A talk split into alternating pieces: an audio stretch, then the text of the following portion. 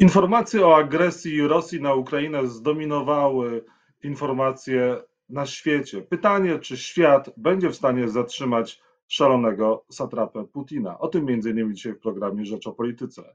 Jacek Nizinkiewicz, zapraszam. Doktor Paweł Kowal, Koalicja Obywatelska, były wiceszef MSZ, jest Państwa i moim gościem. Dzień dobry, Panie Pośle. Dzień dobry. Czy Polska i Polacy, czy, czy Polki i Polacy mogą czuć się bezpieczni patrząc na to, co się dzieje na wschodzie? Nikt się nie może czuć bezpieczny. Nikt na świecie nie może czuć się bezpieczny, widząc, co wyprawia Putin. Tam są złamane już wszystkie możliwe normy, standardy, prawo międzynarodowe. Trzeba się z tym oswoić. Jesteśmy członkiem NATO. Oczywiście dzisiaj każda agresja była, spotkałaby się z całą pewnością z pomocą E, państw zachodnich. Oczywiście dzisiaj świat wygląda tak, że jesteśmy bezpieczni, ale z drugiej strony Putin działa. Ja mam poczucie takie, e, jakbym widział obrazki z historii, których się już nigdy nie spodziewałem. Ostatnie dwa dni spędziłem na przejściach granicznych, czy w okolicach przejść granicznych w Medyce, a wczoraj w nocy w okolicach Lubaczowa. E, obrazki, które widzę, to są obrazki, które przypominają firmy historyczne. Nie sądził chyba nikt z nas, że coś takiego będziemy mogli jeszcze e, zobaczyć ze swojego życia. Nie sądził nikt z nas chyba, że będziemy widzieli bombardowane miasta kilkaset kilometrów, a nawet kilkadziesiąt kilometrów od e, polskiej granicy. To jest rzeczywistość, w której się budzimy. Budzimy się w zupełnie innym świecie, więc pytanie o bezpieczeństwo też jest pytaniem już zupełnie innym, niż byśmy sobie je zadawali powiedzmy kilka tygodni temu. No właśnie, jeżeli chodzi o bezpieczeństwo Ukrainy, temu ma dopomóc, mają dopomóc negocjacje o przyjęciu Ukrainy do Unii Europejskiej. Jak to może zmienić status Ukrainy i czy to dla Putina może mieć jakiekolwiek e, znaczenie? To ma kluczowe znaczenie w tej chwili, żeby zagrzewać do boju Ukraińców. Ukraińcy potrzebują dzisiaj amunicji. To jest trochę tak, jak w powstaniu warszawskim powstańcy pisali do Londynu: My nie potrzebujemy oklasków, potrzebujemy amunicji. I tą amunicją w pewnym sensie jest też obietnica członkostwa. Moja wizja jest taka, zresztą rozpoczynamy dzisiaj e, dużą akcję, między innymi z Piotrem Kędzierskim, z osobami spoza polityki, żeby to była akcja społeczna, pisania listów do Urszuli e, von der Leyen, e, do przewodniczącego Rady Europejskiej, żeby teraz działali szybko. To jest czas na działanie, dlatego że trzeba wykonać takie kroki, żeby każdy Ukrainiec, który podejmuje walkę, każda Ukrainka, która angażuje się w to, co się dzieje, w walkę z Putinem, żeby oni wiedzieli, że potem będziemy już razem. Czyli przyspieszona ścieżka po wczorajszej decyzji Parlamentu Europejskiego. Teraz się zaczyna kluczowy czas. E, gesty polityczne także. Ja uważam, że do Parlamentu Europejskiego powinni zostać zaproszeni posłowie ukraińscy, żeby ten symboliczny akt się już dokonał. Myślę, że można rozważyć zaproszenie takiego komisarza obserwatora do mm, Komisji Europejskiej. Trzeba wykonać dużo gestów. Jeżeli nie możemy wysłać wojska, to wykonajmy dużo gestów, tyle gestów, żeby każdy polityk, który kiedyś po latach będzie sobie myślał o tych dniach, miał poczucie, że zrobił wszystko, co było w jego mocy. I tak, powinien, tak powinna dzisiaj wyglądać aktywność najważniejszych polityków europejskich, bo oni naprawdę, naprawdę walczą za nasze bezpieczeństwo. No pytanie, czy to w, w jakikolwiek stopniu zatrzyma Putina i czy też te sankcje nakładane mogą na nim zrobić wrażenie, bo widzimy, że e, na Ukrainie jest coraz gorzej, patrząc chociażby na ostatni atak e, na Charków. Trzeba działać całą, całą, całą paletą różnych poczynań. Czyli po pierwsze, trzeba e, zagrzewać do boju Ukraińców, wysyłać amunicję, im trzeba amunicji. Po drugie, trzeba wykonywać gesty polityczne. Po trzecie, trzeba cisnąć otoczenie Putina jak najbardziej, żeby oni czuli, że to, co robią w tej chwili, obciąży ich w przyszłości i będą zagrożeni. Od kilku dni jest taka koncepcja, którą ja też lansuję, deputinizacji. Deputinizacja to także napiętnowanie tych polityków europejskich, którzy popierają Putina. Yy, tutaj minister Siarto, to jest niepojęte zupełnie, proszę Państwa, że minister spraw zagranicznych europejskiego państwa, Węgier, ciągle trzyma order od Putina. Nie oddał tego orderu, mimo tego, co się dzieje, a odebrał go zaledwie parę tygodni temu. To są straszne rzeczy, dlatego że one dają Putinowi siłę. To nie jest obojętne. Putin ma poczucie, że ma swoich ludzi w Europie. To jest tak jak w czasie II wojny światowej. Politycy, którzy ciągle utrzymują kontakt z Putinem i nie stać ich na jasne gesty, powinni być traktowani jak, jak kolaboranci Putina. Z mojego punktu widzenia sprawa jest absolutnie jasna i szalenie poważna. No i demonstracja jedności. Myślę, że... A w jakiej sytuacji Polska jest e, postawiona? Bo przecież e, Pol przedstawiciele polskiego rządu, premier Mateusz Morawiecki, również przed e, atakiem agresji spotykał się z przyjaciółmi Putina, Marine Le Pen i Viktorem Orbanem. I co też możemy powiedzieć o samym Orbanie dzisiaj? Ja mogę powiedzieć dzisiaj tak. My, my, jesteśmy naprawdę na wojnie, walczymy o wielką mobilizację i sam przyjąłem zasadę, że w tych dniach unikam różnych e, ansów, komentarzy złośliwych itd., tak itd. Tak to nie jest czas na to. Nie mam nawet do tego teraz głowy, żeby e, krytykować rząd. To już niedługo nastąpi, bo przecież opozycja nie jest po to, żeby chwalić. Ja teraz chcę mm, zadaniować rząd, pokazywać, co można jeszcze zrobić, czyli mm, szukać jak najbardziej synergii. No i najważniejsza rzecz, którą może zrobić polski rząd, żeby trochę zaćmić to wrażenie sprzed kilku tygodni, bo ono faktycznie było negatywne. Ale też trzeba powiedzieć, że dzisiaj jest duże zaangażowanie, dzisiaj szukamy synergii. Dla mnie ta sprawa jest bardzo prosta, bo sprawa bezpieczeństwa, kwestia bezpieczeństwa polskich obywateli najważniejsza, e, próba zatrzymania tej wojny najważniejsza, na tym się skupiamy. Tu jest oczywiście apel do pana prezydenta. Panie prezydencie, to nie jest kwestia tego, czy panu się podoba Donald Tusk, czy nie, tylko to jest kwestia wysłania sygnału jedności do Moskwy. I pana prezydenta musi być stać na to, żeby przy stole w Radzie Bezpieczeństwa siedzieli wszyscy. Bo to jest pana odpowiedzialność. Pana odpowiedzialność za jedność narodu. I coś jeszcze musi stać, żeby to zrozumiał prezydent Polski. Ja widzę pozytywne rzeczy, które robi prezydent, ale jeszcze coś, jeszcze coś się chyba musi stać. Co takiego musi stać, żeby prezydent zaprosił Donalda Tuska? To jest naprawdę kompletnie niepoważne i nie na miejscu zwoływanie Rady Bezpieczeństwa Narodowego bez wszystkich kluczowych polityków. Dlatego, że to jest kwestia naszej mobilizacji i to jest kwestia najważniejsza jasnego sygnału do Moskwy, że w Polsce nie ma żadnej szpary, w którą oni mogą wejść i sobie mm, operować. No, słyszy pan, jakie są tłumaczenia. Też nie ma takiej e, procedury, żeby ani nie poseł e, parlamentu, osoba właściwie spoza polskiej polityki, jako, za jaką uważany jest Donald Tusk, poniekąd e, była, miała być zapraszana na posiedzenie RBM-u. Więc to się chyba nie zdarzy, żeby. Jeżeli prezydent by chciał, to by to zrobił i tak powinien zrobić. Apeluję do prezydenta. Nie wiem, czy się to komuś podoba, czy nie. To nie jest kwestia proszenia. To jest kwestia zobowiązania wobec konstytucji, wobec Pana Boga, na którego prezydent przysięgał. To jest kwestia odpowiedzialności za jedność narodu. Koniec, kropka. Ja w tej sprawie nie mam naprawdę nic więcej do powiedzenia. Zresztą sobie prezydent poradzi, jak będzie chciał. A co w takim razie Donald Tusk mógłby zrobić? Jak mógłby dopomóc polskiej władzy, e, włączając się w działania e, rządu i między innymi spotykając się z prezydentem Dudą na e, RBN-ie? To nie chodzi o to, że już lider opozycji włączy się do działań rządu.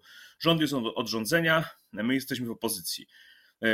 Zasoby polityczne Donalda Tuska są oczywiste, nie będę tutaj mm, tego rozwijał. Jest jeden z najbardziej E, znanych polskich polityków, czy pewnie najbardziej znany współcześnie polski polityk na świecie, który miał, ma, ma sporo kontaktów, kieruje dużą partią europejską. To jest chyba dla każdego oczywiste. Ale wie pan co? Nawet nie to jest dzisiaj najważniejsze. Dzisiaj najważniejsza jest mobilizacja i wysłanie sygnału jedności. I to jest odpowiedzialność prezydenta. E, panie pośle, a jeżeli chodzi o e, odpowiedzialność i sygnał jedności, czy Koalicja Obywatelska poprze jutro w parlamencie ustawę o obronie ojczyzny, projekt Jarosława Kaczyńskiego? Zaproponowaliśmy już tydzień temu powołanie Komisji e, Obrony Ojczyzny, komisji, która, specjalnej komisji nadzwyczajnej, która by się zajęła tylko tą ustawą. Mamy do niej dużo pomysłów, chcemy wspólnie pracować, e, wszystkie ręce na pokład. Nasze stanowisko jest jasne i klarowne. Naprawdę to nie jest czas na e, załatwianie jakichś starych e, kłótni i problemów. Są w ojczyźnie rachunki krzywd, jak mówi poeta. Przyjdzie czas na dyskutowanie o tych krzywdach, przyjdą wybory, wyborcy ocenią, a teraz trzeba wszystkie zasoby złożyć na, w jednym miejscu, na ołtarzu ojczyzny, bo to, taki, to jest taki moment. Ja pan, może komuś, pojechałem na, te, na tę granicę na wschodzie wczoraj, przedwczoraj, zobaczyłem ludzi, zobaczyłem problemy, zobaczyłem taką realność tego wojennego dnia, pomyślałem, że naprawdę czasem te nasze kłótnie w Sejmie, jakieś drobiazgi, to nie jest ten czas. Każdy mądry człowiek powinien to zrozumieć. No dobrze, ale politycy Prawa i Sprawiedliwości dzisiaj głośno mówią o tym, że opozycja powinna jak najszybciej poprzeć ten projekt, żeby on został przyjęty. Tutaj chociażby ze względu na sytuację militarną na wschodzie nie ma chwili do stracenia. I proste pytanie, czy opozycja poprze szybko ten projekt, czy jednak nie czas na przyjmowanie tego projektu? To jest czas na wspólne działanie. Myśmy przedłożyli propozycję e, i naprawdę z nami się e, łatwo rozmawia, jeżeli chodzi o sprawy na obrony narodowej, więc e, czas na poważny krok z drugiej strony, na rozpoczęcie tej dyskusji, na dobry projekt i nie ma z tym żadnego problemu. Czy pan poznał osobiście Władimira Putina, zna rozmawiał pan z Putinem? Czy on jest zdolny do tego, żeby użyć e, broni atomowej? Czy on jest zdolny do tego, żeby chociażby tą swoją agresję na wschód poszerzyć również o agresję na kraje NATO, między innymi na Polskę? Nie ma powodu dzisiaj, żeby e, siać e, strach, żeby siać lęki. Tak, tego lęku jest dużo. Zresztą to ciekawe też zbudowała mi postawa naszych obywateli, ludzi, którzy są naprawdę ogromnie zaangażowani i każdy jest odważny i nie zważa na dokumenty, na jakieś normalne przecież strachy, na przykład, żeby kogoś wpuścić do swojego domu. Dzisiaj w wielu polskich domach śniadanie zaczęło się od spotkania z Ukraińcami. Ja wczoraj e, spotkałem przypadkowo moją dawną przyjaciółkę Hanę Hopko na przejściu granicznym. E, patrzę, taka zagubiona dziewczyna, w pierwszym momencie jej nie poznałem, patrzę, to jest e, jeszcze do niedawna szefowa Komisji Spraw Zagranicznych Parlamentu Europejskiego, Parlamentu Ukraińskiego, Rady Najwyższej, ale ona już miała za, załatwione miejsce, wiedziała dokąd jedzie i tak dalej. Troszkę jej tam pomogłem. Poszliśmy jeszcze na, na kolację do proboszcza w Lubaczowie. Trochę tam, e, żeby wypiła gorącą herbatę, żeby chwilę posiedziała ze swoimi współpracownikami, którzy po nią przyjechali. Więc jest ogromna mobilizacja, nie ma co ludzi straszyć, to nie jest nasza rola. Ale oczywiście w sprawach bezpieczeństwa jest tak, że trzeba też postępować e, rozsądnie, jak z ubezpieczeniem. Czyli myślę, że to jest czas, żeby przeprowadzać więcej szkoleń, jeśli chodzi o bezpieczeństwo. To jest czas, żeby przygotować e, Polaków na różne ewentualności. E, dawno się tych rzeczy w masowej skali nie robiło i myślę, że e, rozsądnie, spokojnie, bez wywoływania napięcia, pokazując, że to jest tylko kwestia, że to jest przede wszystkim kwestia trochę taka jak ubezpieczenie. A jakby się coś zdarzyło, myślę, że to poważnie zrobione i właśnie zrobione wspólnie przez rząd i opozycję, czy firmowane wspólnie przez rząd i opozycję, byłoby ważnym ruchem społecznym, czyli rozpowszechnienie pewnych zachowań związanych z bezpieczeństwem, zarówno bezpieczeństwem takim fizycznym, w przypadku na przykład jakiegoś uderzenia, ale także z bezpieczeństwem cybernetycznym, z bezpieczeństwem w różnych wymiarach, w takim nowoczesnym rozumieniu. To jest bardzo dzisiaj potrzebne i właśnie tutaj, ja bym od razu to podpowiadał rządowi, e, należałoby się skupić na e, kwestii obrony cywilnej, i na kwestii przygotowania obywateli do sytuacji wojennej, bo my się znajdujemy w sytuacji wojennej. E, mimo tego, że czujemy się bezpiecznie, bo widać, że te deklaracje NATO i postawa naszych sojuszników w ramach Zachodu jest e, klarowna, jasna, to mimo to myślę, że trzeba się, trzeba wrócić do innego myślenia, bo my już jesteśmy w innym świecie. My jesteśmy znowu w świecie e, dwubiegunowym, gdzie po jednej stronie są Chiny i Rosja, dwa autorytarne reżimy, a z drugiej strony jest Zachód, kraje anglosaskie, sojusznicy Zachodu na południowo-wschodniej Azji. Jest y, wyraźnie się wyklarowała taka wielka koalicja antyputinowska, która y, już jest oddzielona od tamtego świata. Dlatego ja tak mówię na przykład o ministrze Siarto. Znaczy to są już czasy, kiedy nie ma żartów, po prostu kiedy trzeba powiedzieć, po której się jest stronie. I to jest podstawowe zadanie polityka, jasno powiedzieć, co o tym myśli, jaki ma plan. Panie pośle, pytałem o znajomość z Władimirem Putinem. Jakim człowiekiem jest Putin i do czego jest zdolny? Spotykałem go kiedyś jeszcze na różnych uroczystościach. Potem e, faktycznie pewnie jestem jednym z tych polityków w Polsce, którzy mieli okazję z nim długo mm, e, porozmawiać. To było pamiętnej nocy w Smoleńsku.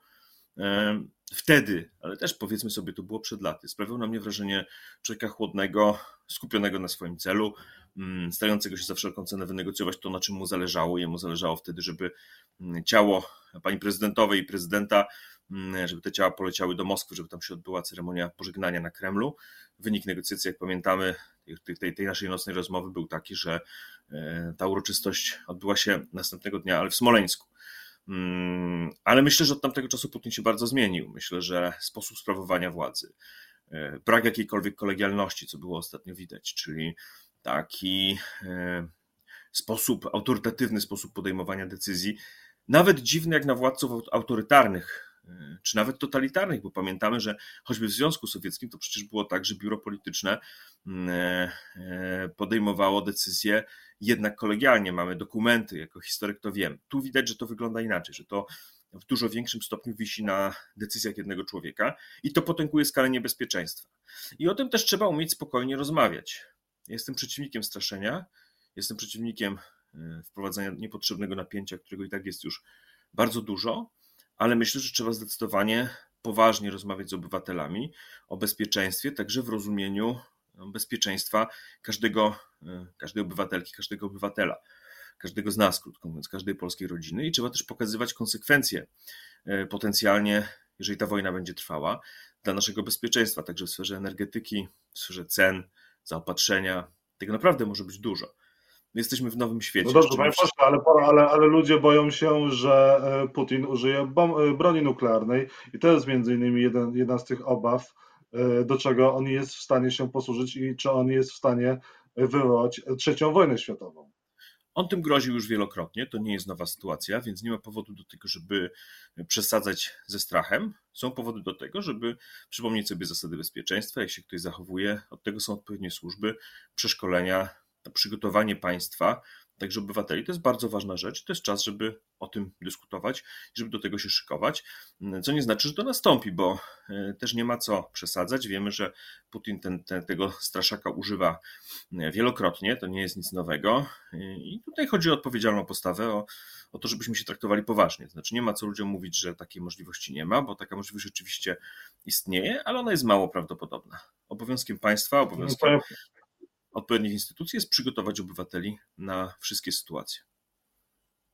A czy świat odpuści Putinowi tak, jak to robił wielokrotnie? Pamiętamy, co się działo w Czeczeniu, pamiętamy, co się działo e, z Donbasem, z Krymem. Wiele przez ostatnie e, naście lat Putin zrobił e, złego, a mimo wszystko Zachód z nim rozmawiał, prowadził interesy. Czy jeżeli w pewnym momencie ta sytuacja na Ukrainie się uspokoi, to Putin dalej będzie mógł pozostać bezkarny, czy może jednak skończy jak e, Hussein i inni e, satrapi? E, napisałem z Karolem Przywarą właśnie w Rzeczpospolitej kilka dni temu taki tekst. On się ukazał także po angielsku.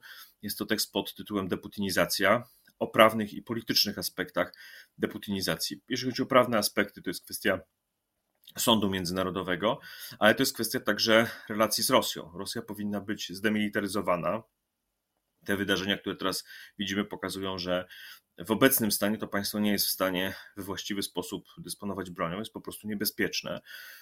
Rosja powinna zapłacić reparacje. Bardzo mnie złości, kiedy mówimy tylko o tym, że będzie płacił Zachód. Rosję trzeba przyzwyczaić już do myślenia, że na końcu tej wojny będzie płacenie odszkodowań, zadośćuczynień dla ofiar i ich rodzin, a także reparacji za zniszczenia wojenne. Myśmy, to też był błąd nas wszystkich jako Zachodu, chociaż pewnie Polski w mniejszym stopniu, bo myśmy na to nie mieli wielkiego wpływu, przyzwyczaili takich ludzi jak Putin, że oni najeżdżają sobie jakieś państwo, a potem zamiast oni płacić, to płaci Zachód za e, przywrócenie tego państwa do porządku, za odbudowę tak itd. Tak Więc tu jest kilka aspektów prawnych deputinizacji. Są też aspekty takie polityczne, czyli zakaz e, tych relacji finansowych, których sporo środowisk politycznych w Europie miało. Polsce na szczęście z tych wielkich środowisk politycznych, jak sądzę, żadne nie miało relacji finansowych. Ale to powinno być wszystko przedmiotem badania już odpowiednich instytucji po zakończeniu tej wojny. E, to powinno być przecięte, ponieważ widzieliśmy na Zachodzie poważne partie, które dostają mm, takie pieniądze, w tym Marine Le Pen. Jej wypowiedzi teraz to są też wypowiedzi współuczestnictwa w tej wojnie. Trzeba to też zdefiniować, że każdy polityk, który dzisiaj usprawiedliwia, który dzisiaj e, wyjaśnia jakoś społeczeństwu, żeby zmiękczyć reakcję przeciwko Putinowi, który e, tłumaczy działania Putina, jest współpracownikiem Putina. Tu muszą być jasne reguły w tej chwili. I to samo dotyczy w dużej skali Aleksandra Łukaszenki. On powinien wiedzieć, że on i jego ludzie za udział w tej wojnie, bo ten udział jest już faktem, będą traktowani tak jak Putin.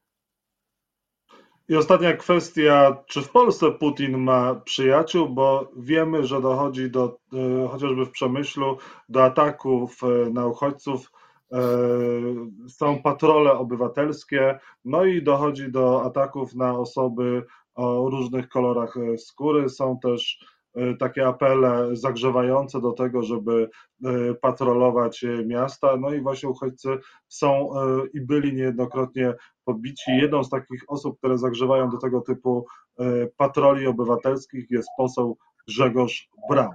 Co się powinno stać z takimi patrolami, jak takie osoby powinny być karane, no i co z samym Grzegorzem Braunem, który ostatnio bardzo prowokacyjnie się zachowuje, no ale też jest słuchany przez dużą część obywateli. Uważam, że tutaj jest problem. Powinno się w tej chwili odbyć również posiedzenie konwentu seniorów i szefów klubów prezydium Sejmu, jak się zachowywać wobec posłów, którzy w tej sytuacji po tym wszystkim nadal w różnych formach sprzyjają Putinowi. Widzę takich niewielu, dwóch, może trzech posłów, ich nazwiska są znane.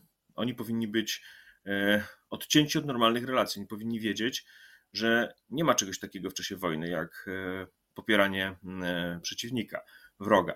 Jeżeli chodzi o sytuację w przemyślu, tam jest potrzebna duża akcja informacyjna, dlatego że faktycznie byłem, widziałem, E, faktycznie jest tak, że e, do Polski wjeżdżają nie tylko Ukraińcy, ale także obywatele innych państw albo ciemnoskórzy obywatele Ukrainy. I to są osoby, o których nie wszystko wiemy. Czasami to są być może te osoby, jak powszechnie się uważa mm, w przemyślu, te osoby, które e, przybyły tam z Białorusi, które stały na granicy polsko-białoruskiej. I ludzie się boją tego i trzeba ten, z tym strachem się zmierzyć, ale w i, i, i jakoś tym zarządzać. To jest kwestia władz publicznych, ale też wśród y, osób, które przyjeżdżają w ucieczce przed wojną, są, jest bardzo dużo studentów. Ja tam spędziłem cały dzień, rozmawiałem z tymi ludźmi, y, szczególnie właśnie studentów z Indii, którzy tak jak do Polski przyjeżdżali na różne uczelnie na Ukrainę, tam się uczyli, no i zastawszy wojnę, starają się uciec w pierwszym możliwym kierunku. Więc jest bardzo potrzebna poważna dyskusja e, z Polakami na ten temat, wyjaśnienie o co to chodzi. E, i danie Polakom poczucia bezpieczeństwa, bo faktycznie e, tak zwykle po ludzku to przecież jest tak, że w przemyślu codziennie przywijają się tysiące nowych osób i ludzie nie przywykli do tego, w oczywisty sposób też będą reagowali lękiem. Ten lęk trzeba rozładowywać tłumaczeniem, dobrą, dobrą pracą służb, dobrą organizacją. E, I to, jest, to są wszystko zadania dla rządu. Tu nie ma miejsca na emocjonalne wypowiedzi. Tu jest miejsce na zrozumienie, bo zrozumienie jest kluczem do działania, a później mądre działanie bo mi się też nie podobało, jeżeli słyszałem e, złe rzeczy o tych osobach, które właśnie ciemnoskórych czy Hindusach, którzy przyjeżdżają ze wschodu, ale zaczynałem tłumaczyć, wyjaśniłem, powiedziałem przy ludziach, podszedłem, porozmawiałem, powiedziałem, słuchajcie, to są studenci z takiej takiej szkoły z Charkowa, e, zrozumcie to, oni też przyjeżdżają, bo się boją wojny, oni zamierzają zresztą w większości pojechać na zachód, trzeba im to e, umożliwić, żeby pojechali tam, gdzie mogą i trzeba w ogóle, myślę, dla studentów z Ukrainy takiej ochrony, ochrony prawnej z Unii Europejskiej. Też pracuję nad tym z kilkoma uczelniami w tej chwili, żeby to zorganizować. To jest też duży problem, trzeba się z nim zmierzyć i poważnie do niego podejść i pomóc tym ludziom. No, jak każdemu człowiekowi, nie może być rozdzielenia na to, że jeden uciekinier, ponieważ jest Ukraińcem, dostanie od nas pomoc, a drugi mamy wątpliwości, ponieważ jest Hindusem. To byłoby niegodne, ale trzeba o tym poważnie rozmawiać, wyjaśniać tę sytuację, ponieważ tak na pierwszy rzut oka ludzie często no po prostu zastanawiają się, jak to mieli przyjechać Ukraińcy, a przyjechali Hindusi. No tak to jak u nas, że wielu z nich, przykładowo, bo są ludzie z całej Afryki też, z różnych miejsc spotykałem ludzi, zapłacili pieniądze, uczyli się w Kijowie, Kijów jest oblężony, uciekli. Apelujemy o mądre działania, o spokój i tak o to też, żeby... Tak nawiasem mówiąc, wielu z tych ludzi, bo naprawdę sporo z nimi rozmawiałem, myśli niestety, że poczeka w przemyślu tydzień i że wrócą a ta sytuacja może się naprawdę rozwinąć i stąd jest konieczne w Polsce działanie wspólne razem i tak dalej. Pamiętajmy o tym, że Polacy kiedyś też byli w podobnej trudnej sytuacji i nam y, wielu y, przyjaciół z Zachodu pomogło, więc my chyba teraz też powinniśmy spłacić ten dług. Paweł Kowal był Państwa i moim gościem. Bardzo dziękuję za rozmowę. Dziękuję bardzo.